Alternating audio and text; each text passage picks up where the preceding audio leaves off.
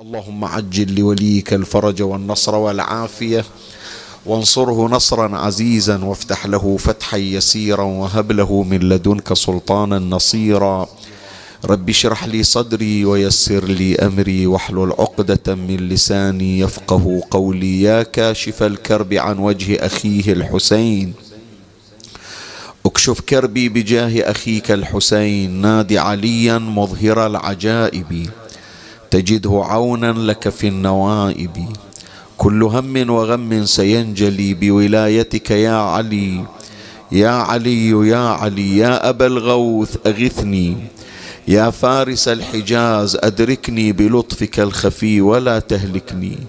يا مولاتي يا فاطمة بنت محمد أغيثيني يا سيدتي. صلى الله عليك يا سيدي ويا مولاي يا رسول الله. صلى الله عليك وعلى آلك الطاهرين.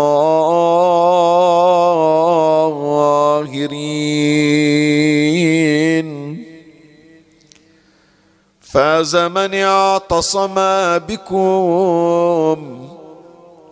وامنا من لجأ إليكم.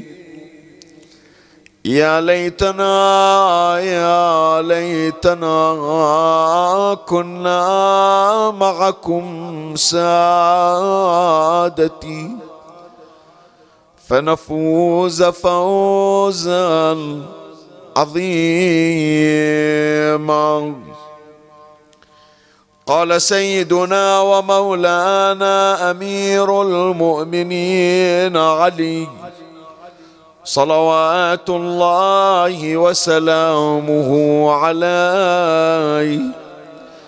اما والله لو ثنيت لي الوساده ثم أجلست عليها لحكمت بين أهل التوراة بتوراتهم وبين أهل الإنجيل بإنجيلهم وبين أهل الزبور بزبورهم وبين أهل الفرقان بفرقاتهم حتى ينادي كل كتاب بأن عليا حكم في بحكم الله فيه لذكر أمير المؤمنين صلوا على محمد وآل محمد. اللهم صل على محمد وآل محمد وعجل فرجهم. اللهم صل على محمد وآل محمد وعجل فرجهم. اللهم صل على محمد وآل محمد.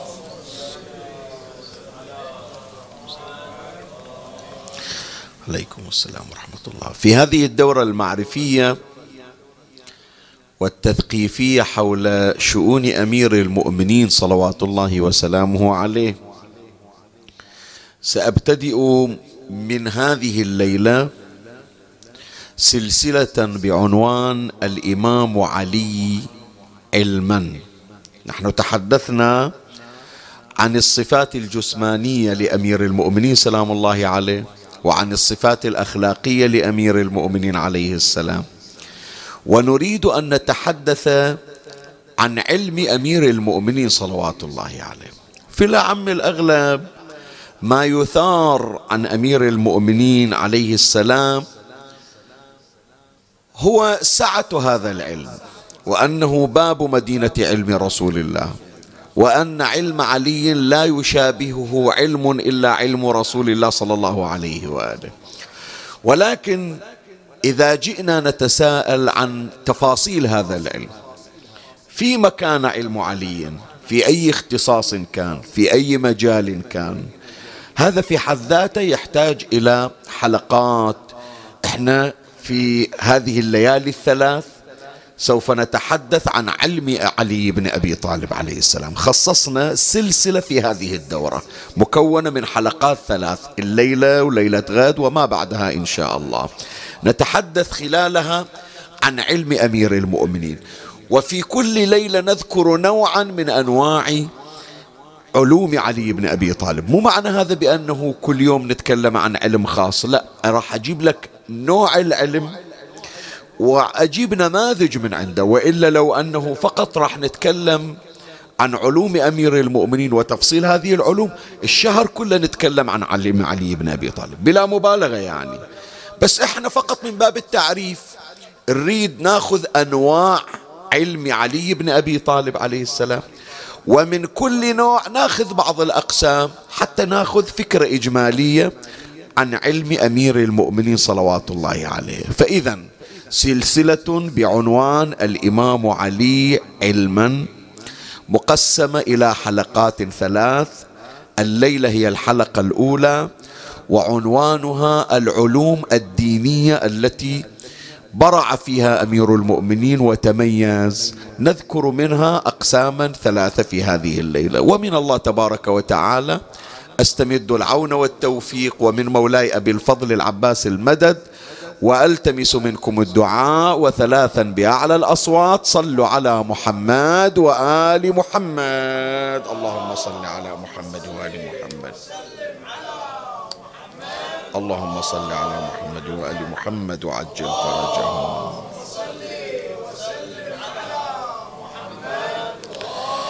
اللهم صل على محمد وآل محمد.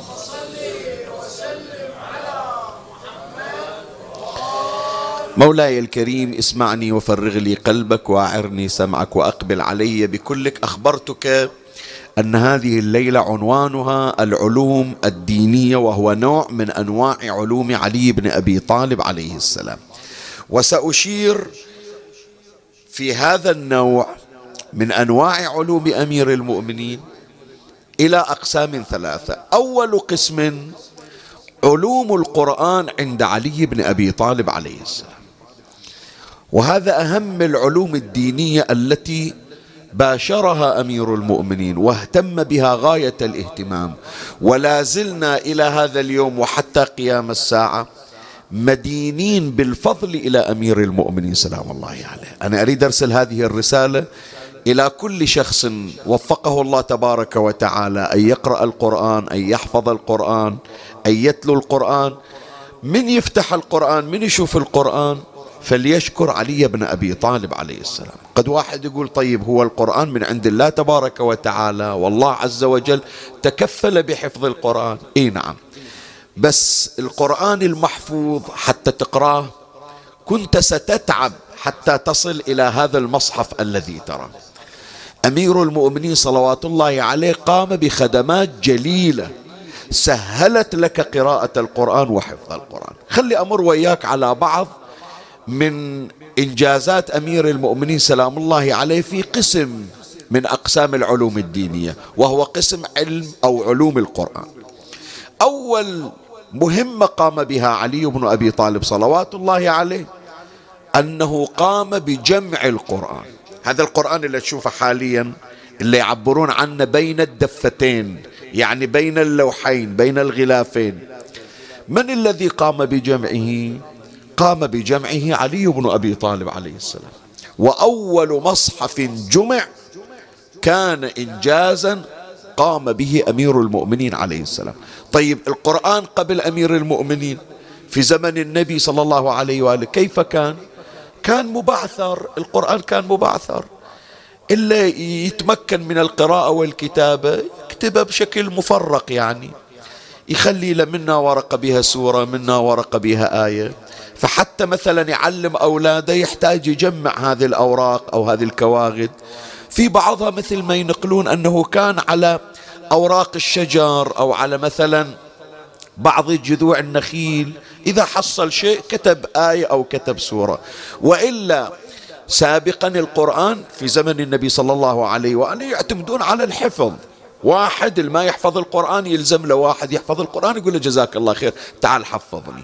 بعد ذولا المحفظ والحافظ لو ماتوا يحتاجون يدورون واحد حافظ ويحتاجون إلى عملية تحفيظ. فأمير المؤمنين سلام الله عليه وهي أول خطوة قام بها بعد دفن الصديقة الزهراء عليها السلام. ولعله لا حتى قبل هذا أيضا. يعني قبل الهجوم على داره. بعد رحيل رسول الله صلى الله عليه وآله لم يكن عند علي عليه السلام هم إلا أن يوفر القرآن لنا بعد 1400 عام وإلى قيام الساعة. فجزاه الله خير الجزاء. خلي نشوف شلون أمير المؤمنين سلام الله عليه كان مهتما بجمع القرآن الكريم.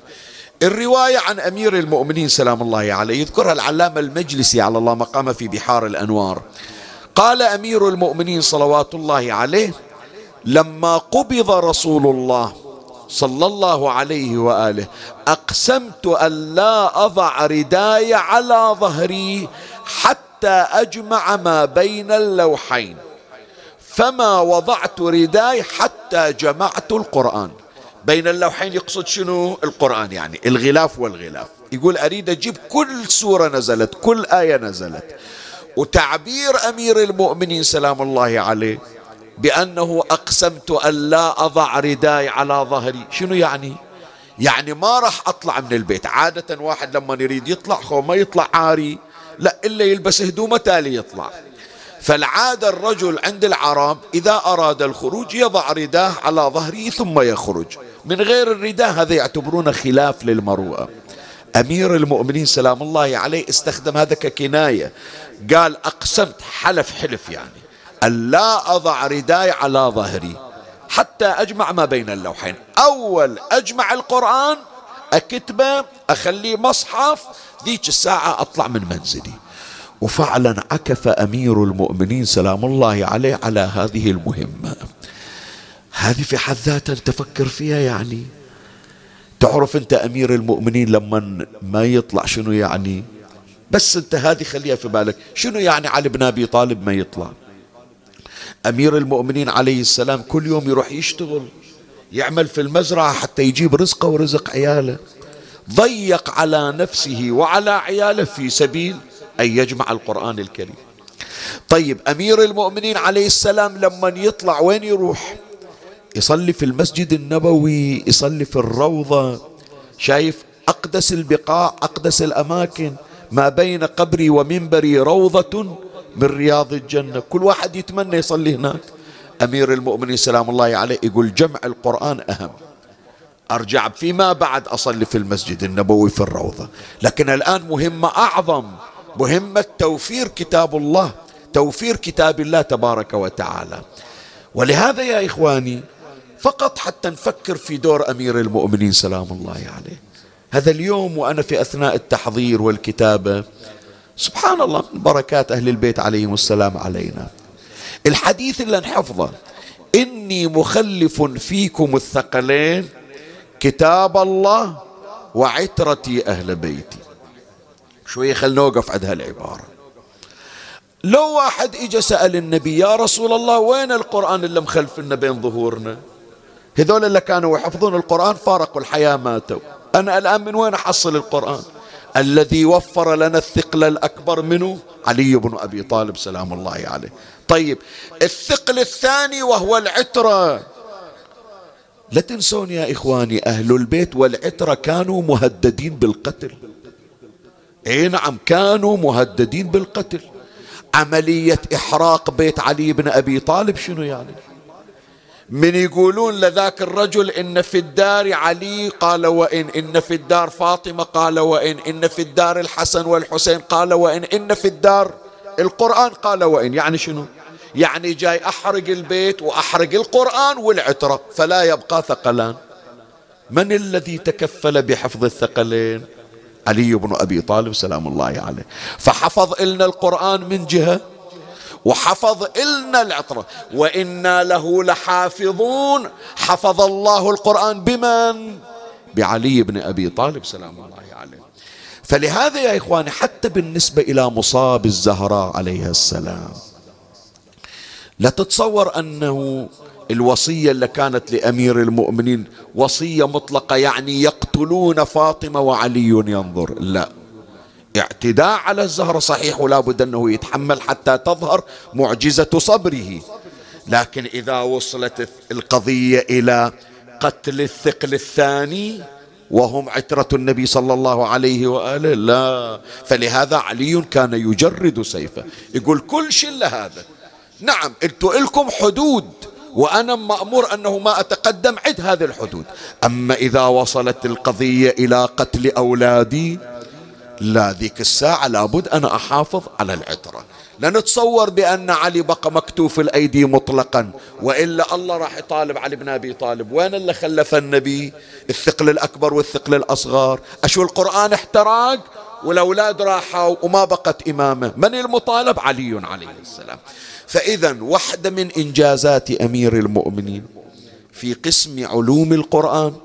الذي هو من أقسام العلوم الدينية لأمير المؤمنين أنه قام بجمع القرآن. أكو رواية يعني أنا ما كنت أريد أذكرها بس كأنما يعني يعتب علي أمير المؤمنين لو ما أذكرها. بعض الروايات تشير يا إخواني أنه بعد أن فرغ علي عليه السلام من جمع القرآن تتخيل واحد مسوي له إنجاز مشروع. وأي مشروع أعظم من هذا المشروع؟ القرآن الكريم خرج بهذه الصورة وبهذه الصياغة والذي قام به علي بن أبي طالب. وإجا إلى البعض قال لهم تفضلوا هذا القرآن إلا نزل على النبي صلى الله عليه وآله في 23 سنة. وكان مفرق ناس حفظوه وفارقوا الحياة وناس كاتبين صفحة وخلين صفحات وناس كاتبين آيات وتاركين آيات وناس كاتبين سور. أنا كله جمعت إلكم. قالوا لا حاجة لنا في مصحفك روح. لا نريدك لا أنت ولا قرآنك. شوف إيش قد. شوف إيش قد. هذه واحدة من آلام أمير المؤمنين سلام الله عليه. فإذا واحد من وظائف أمير المؤمنين سلام الله عليه في علوم القرآن. علم جمع القرآن. زين بعد. إحنا الآن نقرأ القرآن. منو يقول قراءتنا قراءة صحيحة؟ أصح قراءة للقرآن أي قراءة؟ قراءة علي بن أبي طالب عليه السلام. أي نعم. ولهذا شوف هي القراءات اللي تشوفها الآن. قراء القرآن من الصحابة كانوا يتعلمون قراءة القرآن على يد أمير المؤمنين سلام الله عليه. خلي أذكر لك الروايات. عن أبي عبد الرحمن السلمي يقول ما رأيت أحدا أقرأ لكتاب الله من علي بن أبي طالب عليه السلام. صح أكو صحابة حضروا عند النبي يقرون القرآن لكن أفضل الصحابة أفضل الخلق قراءة للقرآن من هو؟ علي بن أبي طالب عليه السلام. فلهذا النبي صلى الله عليه وآله من يقول علي مع القرآن والقرآن مع علي. من مفادات هذا الحديث يعني إذا أردت أصح قراءة للقرآن خذه ممن هو رديف القرآن وهو علي بن أبي طالب سلام الله عليه. من هنا عبد الله بن مسعود أحد الصحابة عند كلمة جدا رائعة يقول قرأت على رسول الله صلى الله عليه وآله سبعين سورة. من 114 سورة قرأت على النبي سبعين سورة حتى أتأكد قراءتي صحيحة بها غلط. زين من راح رسول الله؟ اسمع شو يقول. قرأت على رسول الله صلى الله عليه وآله سبعين سورة وختمت القرآن على خير الناس علي بن أبي طالب.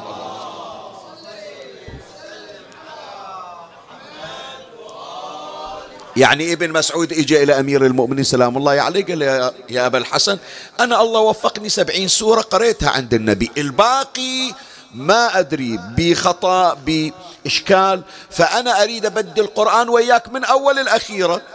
من الفاتحة إلى الناس. شوف عندي غلط لا. فختم القرآن وشوف التعبير شو يقول. على يد خير الناس. علي بن أبي طالب. يعني المصدر الأساسي المعين الحقيقي الصافي للقرآن هو علي بن أبي طالب عليه السلام. هذا من ضمن القسم الأول. وهو علوم القرآن. قلنا جمع القرآن قلنا قراءة القرآن. بعد من ضمن ما قام به أمير المؤمنين سلام الله عليه من إنجازات القضية يا إخواني مو قضية فقط واحد تلا القرآن. طيب القرآن بخفايا القرآن بأسرار القرآن بتفسيرات.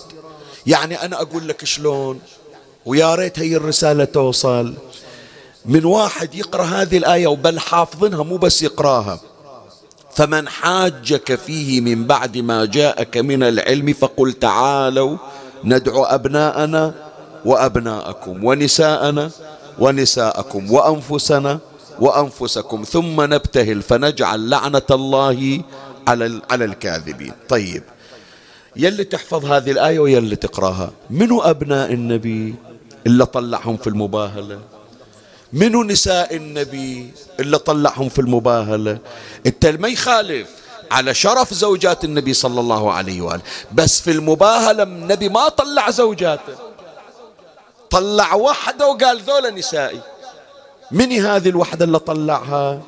زين لم يخرج إلا فاطمة. لم يخرج إلا الحسن والحسين. لم يخرج إلا نفسه. القرآن قال هذا نفسك وهو علي بن أبي طالب. شوف واحد اللي يوصل عمره أربعين سنة خمسين سنة ستين سنة ما يدري عن هذه المعلومة يتفاجأ من يسمع.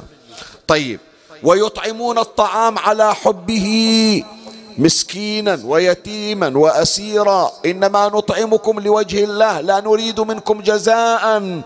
طيب أنت تقرأها كل سنة بشهر رمضان. من ذول اللي يطعمون؟ اللي يقيمون الصلاة ويؤتون الزكاة وهم راكعون. من ذول؟ زين. فهذا يظل صح حافظ القرآن لكن وي حفظه وتلاوته للقرآن يحتاج إلى علوم تشرح وتفسر وتبين من المقصود في هذه الآيات من الذي تكفل بهذا الأمر؟ أمير المؤمنين سلام الله عليه. شوف العلوم التي علمها علي بن أبي طالب. واليوم ما يخالف راح أقدم لك مثل يعني. يمكن مو الكل يعرف هذا المثل بس المختص يعرف. اللي عادة هو يحب أنه يحفظ القرآن ويتعلم كيفية تلاوة القرآن ويهتم بمقامات القرآن. يدور واحد يعلمه يظل يدق أبواب لو يوافقون لو ما يوافقون. لو الآن مثلا لو يأجلها ويشترط عليه مبلغ ويتشرط عليه. مدينة علم رسول الله. علي بن أبي طالب ما ينتظر واحد يدق على الباب يصعد على المنبر ويقول كل هالعلوم عندي وأنا خادم إلكم أعلمكم وظيفتي أعلمكم هذه العلوم. فلهذا شوف ماذا يقول أمير المؤمنين سلام الله عليه يقول هذه العلوم اللي جابها النبي عندي يقول وما نزلت عليه آية في ليل ولا نهار ولا سماء ولا أرض ولا دنيا وآخرة ولا جنة ولا نار ولا سهل ولا جبل ولا ضياء ولا ظلمة إلا أقرأنيها وأملأها وأملأها علي فكتبتها بيدي وعلمني تأويلها وتفسيرها وناسخها ومنسوخها ومحكمها ومتشابهها وخاصها وعامها وأين نزلت؟ وفيما نزلت إلى يوم القيامة. كل شيء تريده عن القرآن عندي لا تطلبه من عند غيري. النبي صلى الله عليه وآله ما طلع بس جاب القرآن نقرأه. جاب القرآن إلا نقرأه والعلوم اللي نتعلمها من القرآن. وهذه كلها خلاها في صندوق والصندوق هو قلب علي بن أبي طالب سلام الله عليه. يعني. فلهذا يا إخواني واحدة أيضا من فنون وروايع قسم علوم القرآن أن كل علوم القرآن عند علي بن أبي طالب.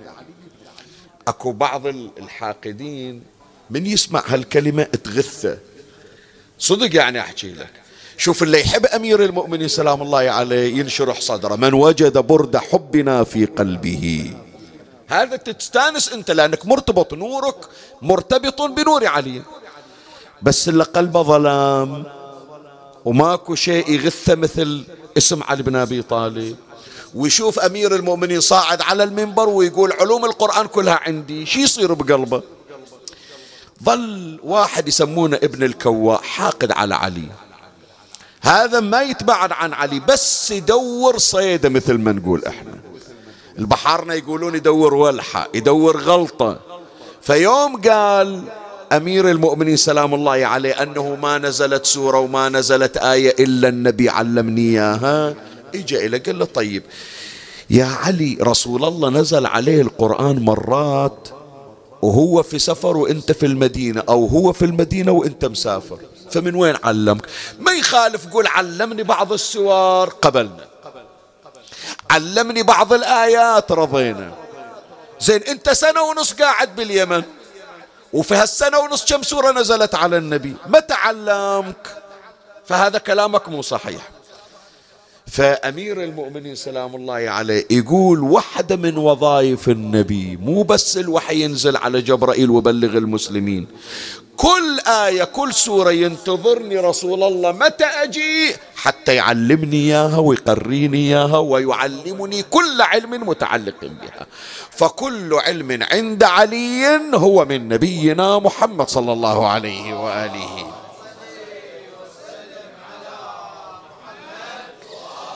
هذا كله في قسم واحد من العلوم الدينية وهو علوم القرآن. جمع القرآن قراءة القرآن علوم القرآن. بعد تفسير القرآن وتأويل القرآن.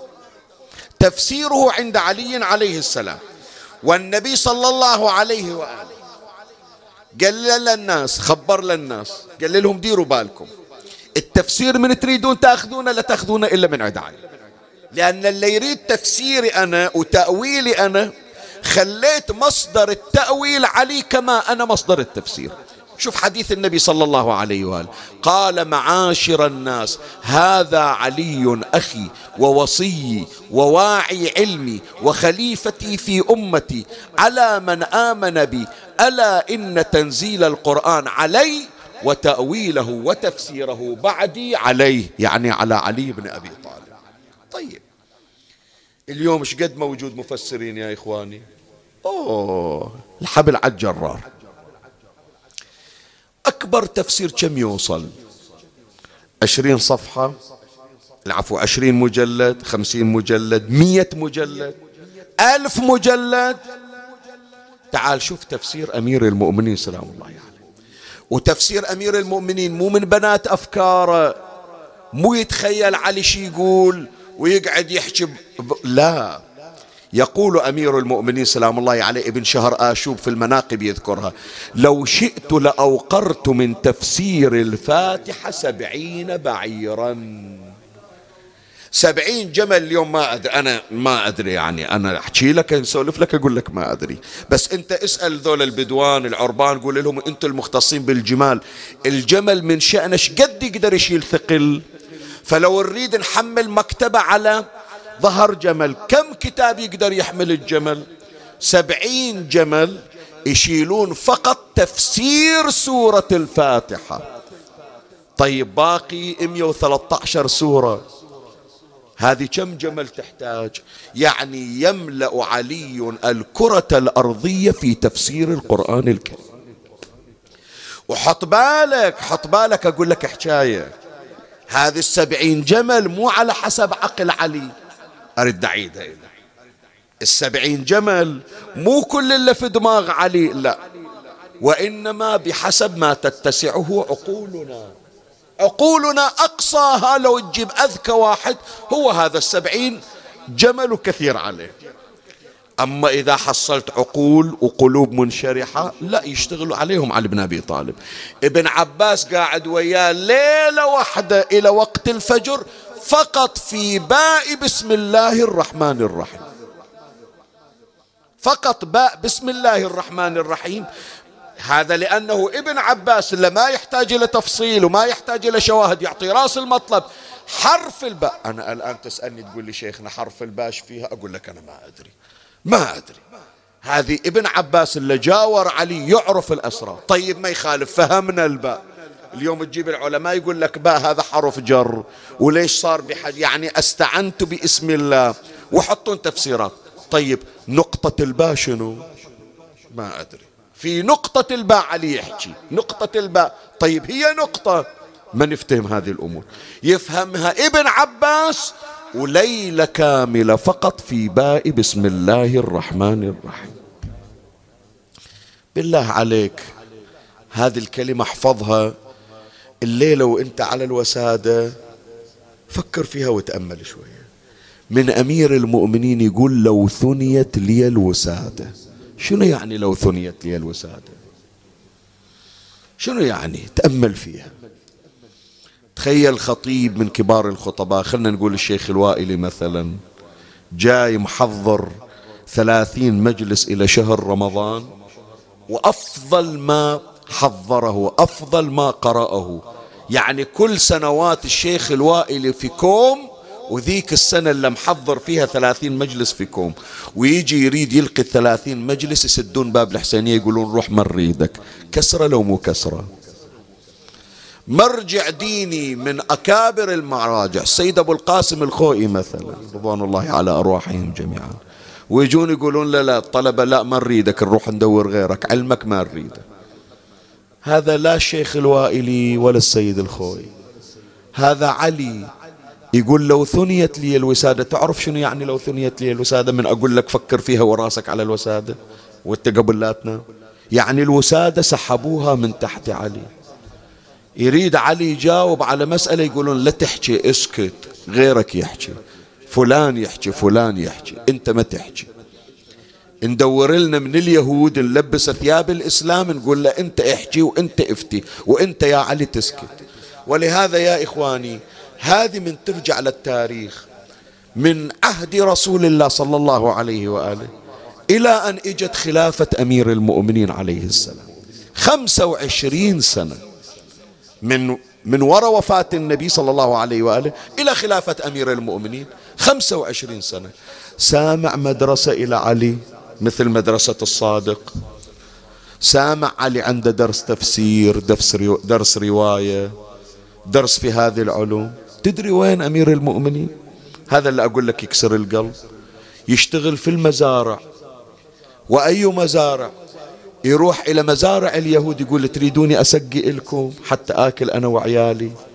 زين وعلم علي تفسير علي تأويل علي قراءة علي قرآن علي. ما عند علي. قالوا أبدا ما لنا شغل بك خلاص علمك أنت وعلمك ما نريده هذا اللي تسمع عنه من خطب من علوم. ترى كله في خمس سنوات إلا شهور. هي مدة خلافة علي. من تولى الخلافة إلى أن استشهد. ضرب في المحراب خمس سنوات إلا أقل من كم شهر فقط. بعضهم يقول أربع سنوات وثمانية أشهر. هذه اللي تسمع عنها ومو كلها.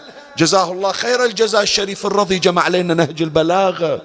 هذا اللي تسمع خطب علي هذا نهج البلاغة يا أحبائي يا أولادي. من تسمعون كتاب نهج البلاغة؟ هذا مو كاتب لنا علي بن أبي طالب لا. كاتب لنا الشريف الرضي. جمع ما عثر عليه من خطب.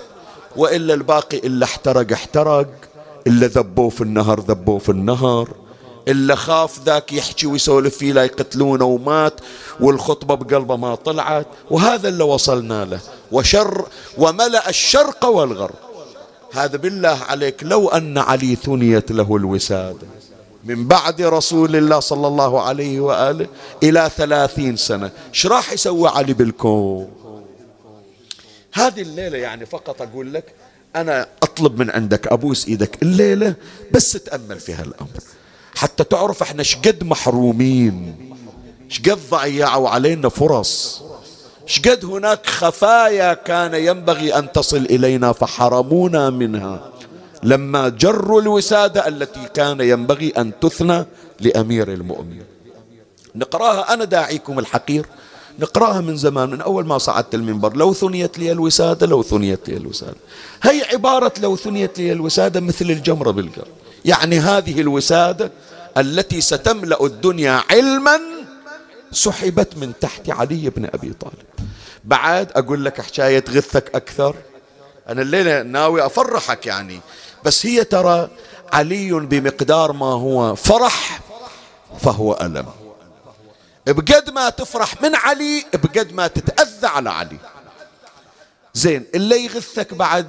بسم الله عليك. الوسادة اللي ما ثنيت لعلي ولا سحبت من علي.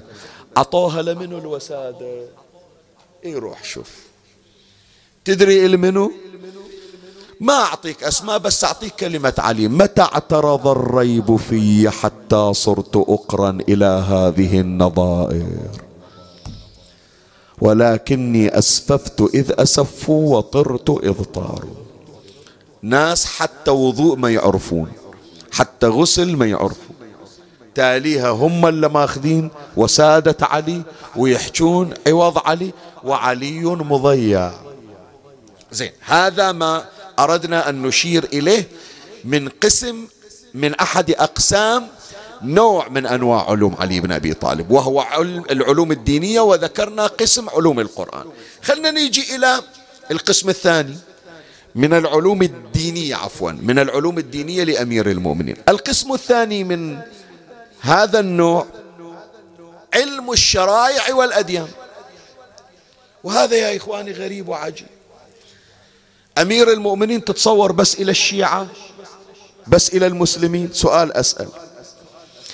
اليوم مثلا تسمع عن مراجعنا تسمع عن فقهائنا. نعم عند اطلاع وتبحر في الفقه في الأصول أو كذا. لكن تسمع مثلا أنه مرجع ديني يقول وين ماكو مسيحي يشكل عليه الإنجيل خليه يرجع إلي أنا أجاوبه؟ يمكن يجاوب على البعض لكن ما عنده موسوعية في سائر الأديان. بينما أمير المؤمنين سلام الله عليه مرجع إسلامي لكل الأديان والشرائع. لا ومو بس يجاوبهم بحسب كتبهم لا لا لا. يقول لا أعطيكم إياه في كتبكم ما تحصلونه. فلهذا قال علي عليه السلام. الرواية يذكرها الفضل ابن شاذان. في كتابه الفضائل ابن شاذان في الفضائل. قال أمير المؤمنين عليه السلام أنا والله أعلم بالتوراة من أهل التوراة. يعني لو يجون اليهود وحطون كل شيء عندهم كتاب التوراة من غير ما أطلع نسخة أجاوبهم بأكثر مما درسوه في سنوات. أنا والله أعلم بالتوراة من أهل التوراة وأعلم بالإنجيل من أهل الإنجيل وأعلم بالقرآن من أهل القرآن. هذا علي بن أبي طالب يقول أنا مرجع إلى كل الديانات وإلا شلون أجرهم إلى الإسلام؟ أجيبهم أطلع لهم. من كتابكم هذا نبينا وهذا أنا وهذه زوجتي فاطمة وهذان ولداي حسن وحسين. من نفس كتابكم. وفعلا كثير من القضايا يا إخواني أمير المؤمنين يجيب من خلال الأناجيل والتوراة والزبور والكتب السماوية التي موجودة. ولهذا يدخلون بالإسلام مثل ما راح يجينا. فإذا أمير المؤمنين سلام الله عليه موسوعة الشرائع والأديان. هذا علي بن أبي طالب عليه السلام. بعد. أمير المؤمنين مو بس موسوعة موسوعة ديانات وموسوعة شرائع. خفايا الشرائع. اليوم قد واحد يقول مو قحط شيخنا. اليوم موجود سيديات وموجود مواقع بالإنترنت يجمعون كل الأناجيل كل الكتب السماوية. والجوجل اليوم يقوم بهالمهمة هذه. أي شيء تريد تسأل عنه؟ فلان مثلا كذا. سفر فلان مثلا إنجيل فلان كذا كله تحصله. فهذا الوقت ذاك الوقت علي بن أبي طالب يحير العقول. اليوم ما يحير العقول لا. علي في كل زمن يحير العقول. شلون؟ أمير المؤمنين مو بس يخبر عن الدين شنو فيه من شريعة وشنو الأحكام الموجودة في الأديان لا. يخبر عن أهل هذا الدين. من المستقيم؟ من المنحرف؟ أي دين هو مرتبط بالله؟ وأي دين مزيف؟ وأي دين راح ينحرف؟ ومن الذي سيقوم بالانحراف؟ فلهذا قال أمير المؤمنين سلام الله عليه قال والله ما من فئة تظل أو تهدى إلا وأنا أعرف قائدها وسائقها وناعقها إلى يوم القيامة. كل فرقة تطلع مو بزمننا يقول جيب لي سنة 2022 طالعة فرقة من المسلمين من شيعة من سنة من مسيحيين من يهود أنا أخبركم منو اللي رتبها ومنو اللي مولها ومنو المغرر فيها ومنو اللي جاي مبعوث حتى يضل الناس. تفاصيلها كلها وأسرارها في قلب علي بن أبي طالب عليه السلام. زين بعد من الأمور الغريبة يا إخواني؟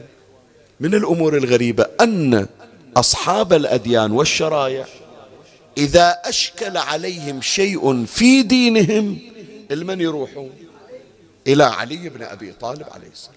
وهذا من أغرب الأمور. الآن أنا عندي مسألة في الفقه. ما أعرف أجاوب عليها والفقهاء يتحيرون فيها. أروح إلى إيطاليا الفاتيكان وأقول للكنيسة تعالوا جاوبوا على هالمسألة في الغسل أو في الحيض أو في, في الطواف أو في الحج. لكن اليهود والنصارى في زمن أمير المؤمنين إذا أشكل عليهم أمر توجهوا إلى علي بن أبي طالب. ولهذا يذكرون العلامة المجلسي يذكرها في بحار الأنوار يقول يوم من الأيام إجوا اثنين من اليهود إلى المدينة. قالوا عندنا مسائل والمسائل هذه محيرة واللي يجاوبها حتما متصل بالله تبارك وتعالى. فإحنا جايين نسأل عن نبيكم. قالوا لهم نبينا قبض. قال زين وين هذا النبي؟ عنده وصي لو ما عنده وصي؟ كل الأنبياء لابد عندهم أوصية. شوية يعني ما يخالف خليها على هامش البحث. سنة من السنوات عندنا بالبحرين. القاعدة الأمريكية عندنا الأسطول الخامس عندنا بالبحرين. فذول المارينز الجنود الأمريكان أحيانا يطلعون من القاعدة ويجون بالأسواق وبعض المناطق. فمنطقة من المناطق أنا أقرأ بيها. وينزلون ذول الجنود في هذه المنطقة فذول الشباب يسولفون إلي. يقولون شيخنا كان واحد من الجنود الأمريكان يوقف ويانا ويسولف ويانا وتبين أنه مثقف وقارف الأديان. فيوم من الأيام إحنا نسولف وياه هذا الجند المارينز يقول شوفوا كل الأديان الموجودة أديان سماوية إلا دينكم الإسلام. دين مو سماوي. قالوا شلون دين مو سماوي؟ عندنا قرآن قالوا قال ما يهمني قرآن ما قرآن ما يهمني. دينكم مو دين سماوي. شلون ديننا مو دين سماوي؟ يعني مو من عند الله. قال إي نعم. أنا قارب كل الأديان. كل نبي يأتي من الله لابد عنده وصي. كل نبي الله يجيبه إلى الدنيا لازم من يروح النبي وراه وصي. موسى عنده وصي يوشع بن نون عيسى عنده أوصياء. شمعون الصفا وغير شمعون الصفا. زين إذا أنتم تقولون نبيكم الله دازنا إلكم. شنو إحنا أول مرة نسمع نبي؟ يخلي الأمر برلمان شورى. وين صارت هذه؟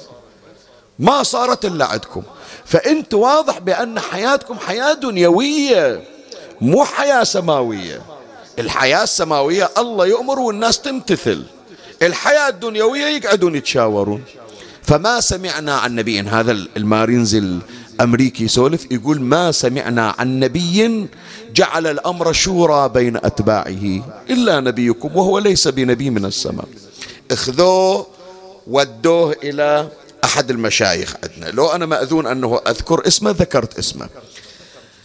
قعد هذا الإمريكي ويا شيخ وأكو مترجم نقل إلى الكلام قال له لا إذا أنت كل نبي تسمع أن عنده وصي فنبينا عنده اثنا عشر وصي. أولهم علي بن أبي طالب وآخرهم قائم آل بيت محمد. الحجه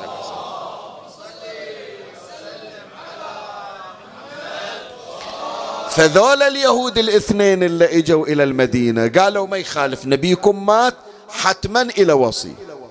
صارت قضية هذه أخليها على كتر جابوهم لليهود الاثنين إلى أمير المؤمنين سلام الله عليه. شي يريدون يسألون؟ يسألون عن دينهم يسألون هذا الوصي. يقول إذا هو صدق وصي وصي نبي حتما يعلم عما نريد أن نسأل عنه من ديننا.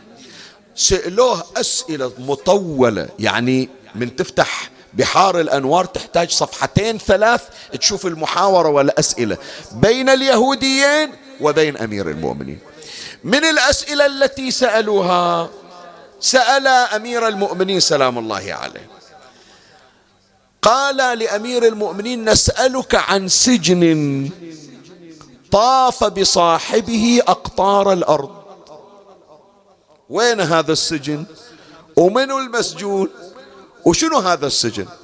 أمير المؤمنين سلام الله عليه قال هذا السجن هو حوت يونس والمسجون يونس ابن متى. هي ما يعرفونها إلا الأوصياء إلا واحد مخبرنا نبي. زين خلي أقرأ لك الرواية. قال فما قبر سار بصاحبه. قال عليه السلام يونس حين طاف به الحوت في سبعة أبحر. سألوه سؤال ثاني. واضح بأنها أسئلة تعجيزية ما يعرفونها إلا الخواص من أبناء الأنبياء. سأله سؤال ثاني قال فأين طلعت الشمس ثم لم تطلع في ذلك الموضع؟ أكو مكان في الكرة الأرضية طلعت عليه الشمس مرة واحدة بس وإلى اليوم الشمس تطلع وتدور الأرض وهذه الشمس ما توصل إلى هالمكان إلا مرة واحدة صارت في الدنيا. أي موضع هذا؟ فقال أمير المؤمنين قال في البحر حين فلقه الله لقوم موسى. البحر ما انفلق كل يوم مرة واحدة ورد رجع. يوم اللي انفلق البحر الأرض اللي أسفل البحر شاهدت الشمس وما عادت تلك البقعة ترى الشمس بعد ذلك اليوم. قال وأسلم. هذول عقب ما عرض أمير المؤمنين سلام الله عليه عليهم الأسئلة. قلت لك أسئلة طويلة أسلم ولزم أمير المؤمنين سلام الله عليه واحد منهم الله وفقه واستشهد ويا علي بن أبي طالب في معركة الجمل والثاني استشهد مع أمير المؤمنين في معركة صفين وهما من خلص شيعة علي بن أبي طالب صلوات الله عليه يعني. فواضح يا إخواني أمير المؤمنين هو المرجع الإسلامي هو المرجع الديني لكل الأديان والشرايع يرجعون إلى في كتبهم وأمير المؤمنين سلام الله عليه هو المحيط بهذه العلوم. قبل لا أتجاوز هذا القسم وأروح إلى القسم الثاني. اليوم نسمع عن دعوات تدعو إلى التسامح. وتدعو إلى تآلف الأديان. وحتما مر عليكم هذه العبارة البيت الإبراهيمي. ما مر عليكم البيت الإبراهيمي؟ شنو يعني البيت الإبراهيمي؟ البيت الإبراهيمي يقولون بأن كل هذه الديانات الموجودة الديانة اليهودية الديانة النصرانية دين الإسلام هذا مرجعهم أب واحد من هو؟ إبراهيم الخليل. وبالتالي يقول ليش النصارى عندهم حساسية من المسلمين والمسلمين عندهم توتر ويا, ويا النصارى. واليهود ما حد يحبهم. إحنا نحاول نكون إخوة في بيت واحد. وكأنما دعوة جديدة. أنا أقول وينكم يا أصحاب هذه الدعوة؟ عن رسالة علي بن أبي طالب عليه السلام. أمير المؤمنين أول من احتوى الأديان.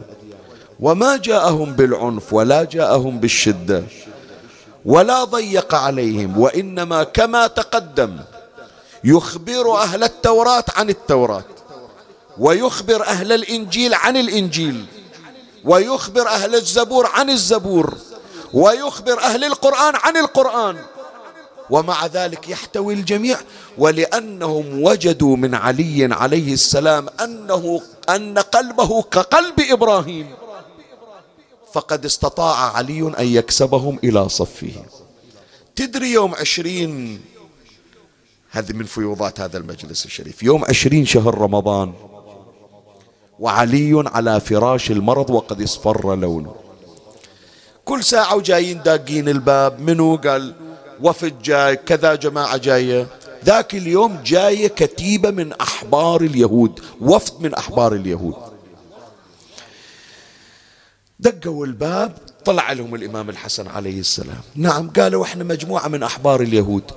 جئنا لأبيك علي بن أبي طالب لنسلم على يده قبل لا يفارق الحياة.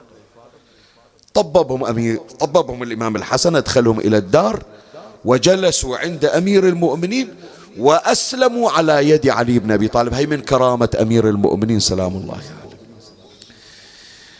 فيقول لهم بعدين أمير المؤمنين شو جايبينكم إلا اليوم وأنا بين الموت والحياة؟ إيش معنى؟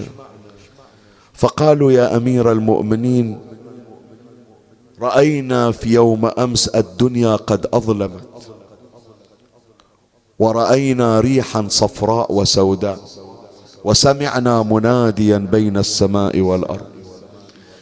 وعلمنا بأن هذا الأمر لا يكون إلا لفقد وصي فعلمنا بأنك أنت وصي آخر الأنبياء. فما نريد تطلع من الدنيا إلا جايين. أسلمنا حتى نتشرف. شوف بركات علي بن أبي طالب. سلام الله عليه. في البيت الإبراهيمي عمي ليجي واحد يقول ترى أنا مبتكر هي الفكرة. البيت الإبراهيمي هو بيت علي. فلهذا النبي صلى الله عليه وآله يقول من أراد أن ينظر إلى إبراهيم فلينظر إلى علي بن أبي طالب. والغريب يا إخواني ذولا اللي يدعون أنهم يجمعون الأديان يا ريت يا ريت يصير أيضا بيت محمدي مثل ما يصير بيت إبراهيمي. إحنا بحاجة إلى بيت محمدي قبل لا نحتاج إلى البيت الإبراهيمي. اللي يلمنا إحنا كإخوة. هذا اليوم في حرم الإمام الرضا عليه السلام والناس صيام يدخل واحد سكين بيده يمشي ويذبح اثنين ثلاثة. من وين هذول يا جماعة زرعوهم؟ غير من التوتر والتشنج وغير من أموال ملأت القلوب حقدا وكراهية على الآخرين.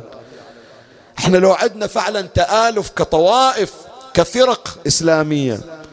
كان ما نسمع كل يوم صاير في باكستان ويوم في أفغانستان ويوم في الهند ويوم في العراق وإلى متى؟ إلى متى؟ ما أقول أن هذا المشروع مشروع فاشل أقول إذا كان غرضهم فعلا أنهم يألفون القلوب نحن معهم لأن هذه هي رسالة علي بن أبي طالب. لكن كما ألفتم بين قلوب الأديان فألفوا بين قلوب الطوائف لنكون كلنا لنكون كلنا في بيت نبي واحد وهو محمد صلى الله عليه وآله.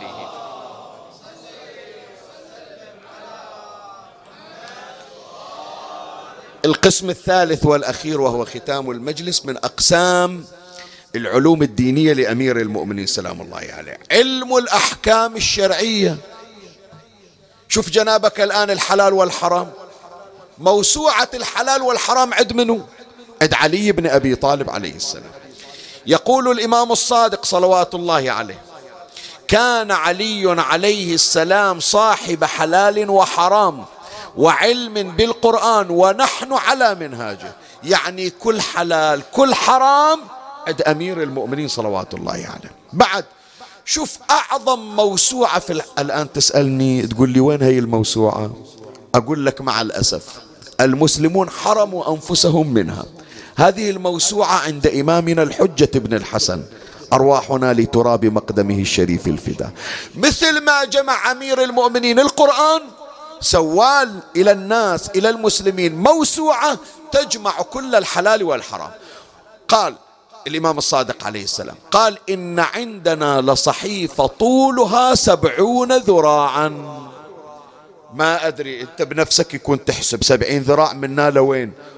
كلها هذه رسالة. اسمع إن عندنا لصحيفة طولها سبعون ذراعا إملاء رسول الله وخط علي عليه السلام بيده. ما من حلال ولا حرام إلا وهو فيها حتى أرش الخدش. شنو أرش الخدش؟ يعني واحد يخدش لواحد. كم عليه يصير؟ الناس يمكن ما تدري عنها. أمير المؤمنين مجاوب ومدوننها. كلها من علم رسول الله ومن كتابة وتدوين علي بن أبي طالب عليه السلام. وإذا تسمع عن علم جعفر الصادق موسى بن جعفر علي بن موسى الرضا الأئمة الحلال والحرام كل علومهم ماخذينها من جدهم أمير المؤمنين صلوات الله عليه. موسوعة الحلال والحرام عند علي بن أبي طالب. بعد علي مركز الفتيا. تدري في زمن المسلمين حتى بعد رحيل رسول الله صلى الله عليه وآله. إذا فتوى يحتاجون إلى فتوى ما حد يتجرأ يفتي إلا بعد أن يعرض الأمر على علي بن أبي طالب عليه السلام. عبد الله بن عباس يقول إذا بلغنا شيء تكلم به علي من فتيا أو قضاء وثبت لم نجد لم نجاوزه إلى غيره. خلاص علي حكى ما ناخذ من غيره. وغريب يذكرون رواية عن عمر يقول لا يفتين أحد في المسجد وعلي حاضر. لا واحد يقول سامع كلمة من رسول الله وأريد أطلع فتوى ما دام علي موجود.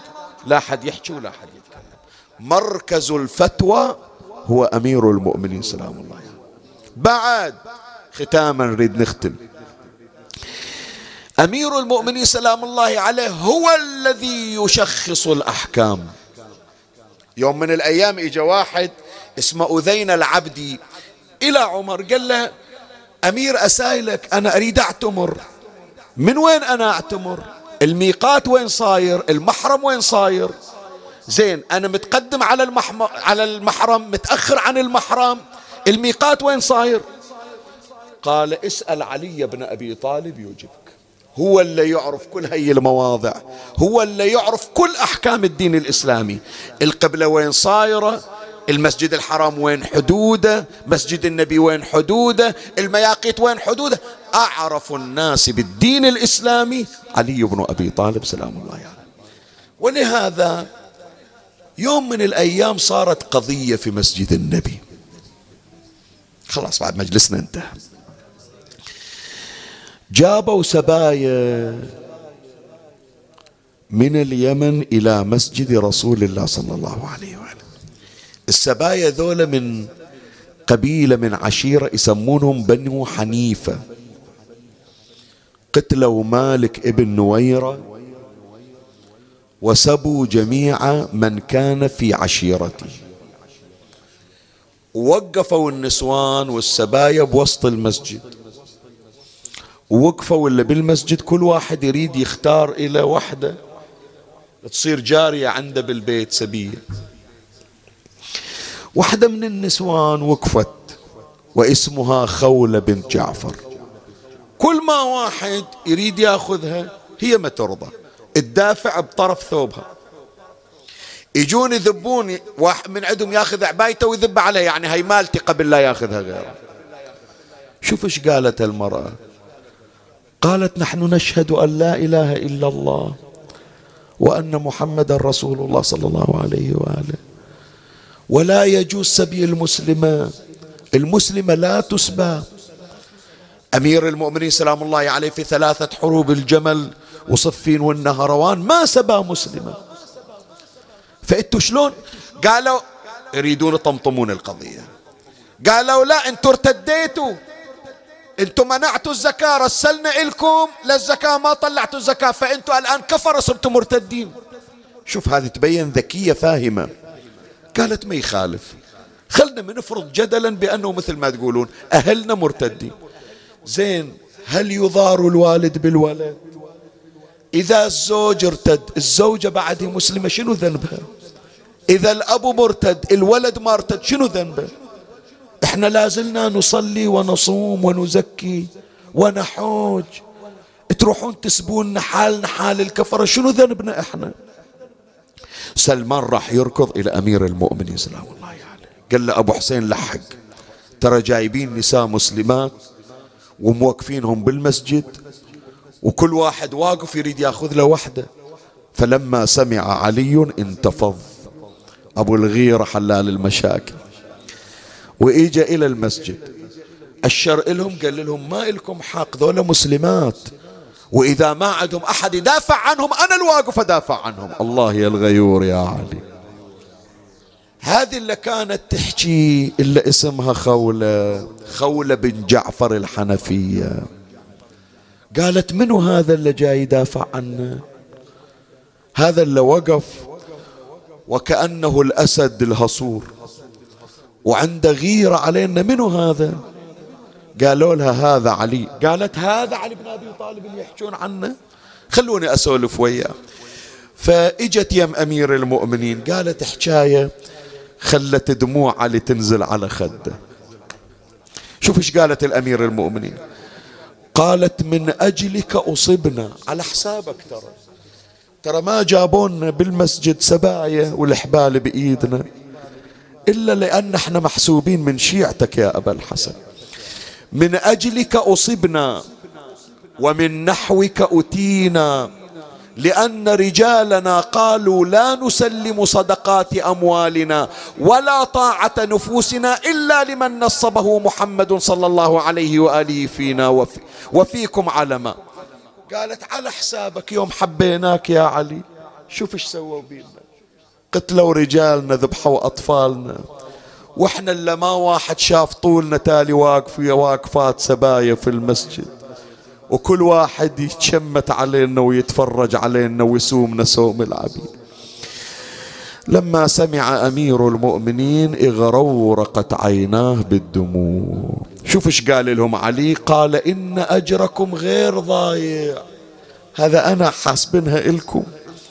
لا تظنون أنا أنسى الجميل. جميلكم هذا محتفظ بي. إن أجركم غير إن أجركم غير ضائع. وإن الله يوفي كل نفس ما عملت من خير. هذه خولة بالجعفر الحنفية. أمير المؤمنين قال لهم ما تأخذونهم ذولا سبايا. ذولا معززات مكرمات. قالوا خلاص يا أمير المؤمنين يرجعوا ورجعهم علي.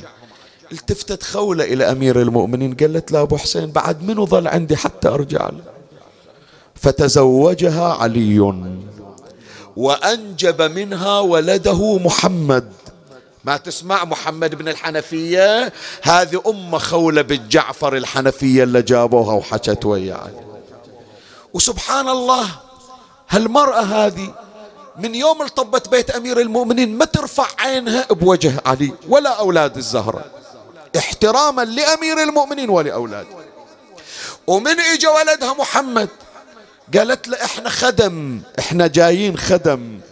أمير المؤمنين ستر علينا أمير المؤمنين احتوانا فلهذا قالوا بأن محمدا لم يرفع عينه في ولد من أولاد الزهرة. لا الحسن ولا الحسين ولا زينب محمد شال راسه وطالع وجهها. إلا يوم واحد محمد رفع راسه وقام يطالع زينب. ليش عمي ليش تغيرت العادة؟ ما عرفها. فلهذا صار ينظر إليها ويقول أنت زينب الهاشمية. هذه اللي كل مرة من تجي طولها طول الزهرة أدكس راسي احتراما لها. اليوم اللي طابة علينا واحدة غريبة. إلا أعرفها زينب ثيابها مو محرقة. إلا أعرفها زينب ظهرها مو منحني مشيتها مشية فاطمة. هذه اللي أشوفها اليوم شعرها أبيض مني هذه؟ زينب الهاشمية. هي جاوبت قالت لا يا محمد. هاشمية يوم عندي أبو فاضل راية تترفرف على رأسي. راية راية العباس من صوب وسيف علي الأكبر من صوب ذيك الليلة كانوا يسموني هاشمية. لكن يا أبو جاسم يوم اللي حرقوا خيمتي وحطوا الحبال بإيدي. سموني زينب المسبية يا أخوي. أنت زينب ليش غيرت الزمان؟ هواية بعيوني أحس متغيرة. الها الكثر يم الحزن متروسة شيب؟ الصار بي كبدا فلا صار بمرض. تقول له يا محمد اللي شفته مو قليل مو قليل. لا تلوم ظهري إذا انحنى. تقول له يا أخويا اللي شفته مو قليل شفت أخوك حسين طاح على الثرى. الابيات كل بيت مثل الجمرة يلزم نفسك حتى أعرف أقرأ لك.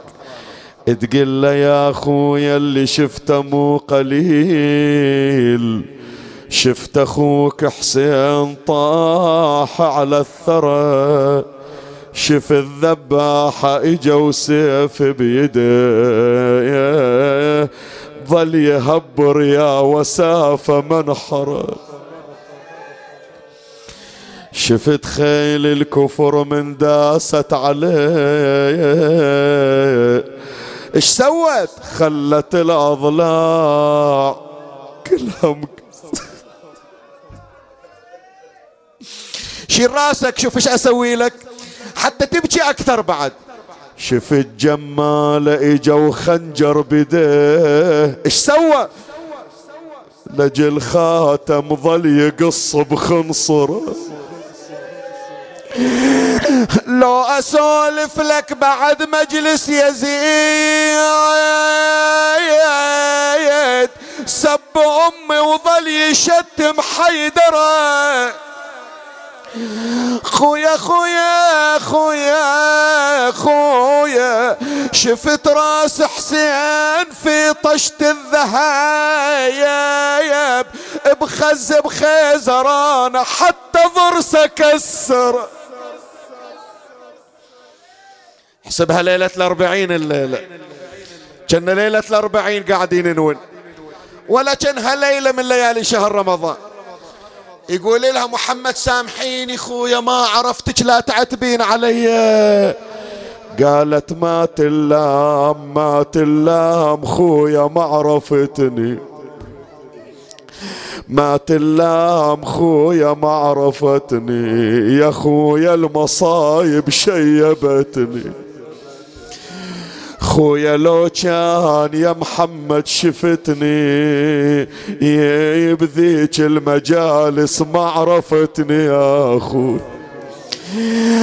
خويا أراويك أراويك بالصار علمتني ترى سياط شمر ورمت. تقول له عندي عتاب عليك أبو جاسم. خلاص أقرأ هذا البيت وأختم. حصلنا المراد. وإن شاء الله تبشرونا بالحاجة المقضية. تقول له أخويا تدري يوم اللي حرقوا بيتي وطلعت من الخيمة وشفت الجنايز وما عندي أحد. وقف شمر على راسي. قال وينهم اهلك من تشيلين راسك تقولين أنا أخت عباس أخت حسين. قلت ما ظل عندي إلا واحد إن شاء الله يسمع ويجي. صاحت ما جيت ما جيت محمد يا خويا ليش ما جيت؟ ليش ما جيت ما جيت؟ خويا من روعوني وحرقوا البيت. خويا تمنيت تمنيت أنا حاضر يا أبو جاسم تمنيت اختلى البيت يا محمد. إي والله خاطري وأنا اسمعها من عندك. إي تمنيت تمنيت حاضر يا أبو جاسم تمنيت خلى البيت يا محمد خلى إيه خلى البيت يا محمد يا يا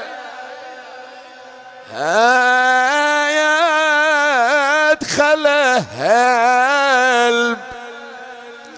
لا إن شاء الله ما اختلى ما دام أنت موجودة. عامر البيت يا زينب. قالت اللي يعمر البيت أبو علي وراح.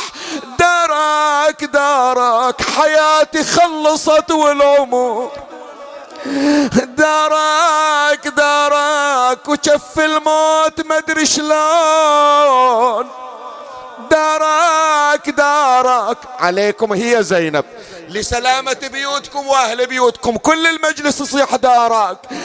تقل شلون أطب يا حسين. دارك دارك. شلون أسكن وهي وحشة وخلي ألا لا تزان الدار إلا بأهلها على الدار بعد الراحلين. سلام بالأمس كانوا معي واليوم. اللهم صل على محمد وآل محمد. أعوذ بجلال وجهك الكريم أن ينقضي عني شهر رمضان أو يطلع علي الفجر من ليلتي هذه ولك قبلي تبعة أو ذنب تعذبني عليه اللهم سلمنا لشهر رمضان وسلمنا له وتسلمه منا فلا ينقضي عنا إلا وقد غفرت لنا. اكتبنا فيه من عتقائك من نار جهنم. يا أسمع السامعين يا أبصر الناظرين ويا إله العالمين ارحمنا برحمتك يا أرحم الراحمين. سبحانك يا لا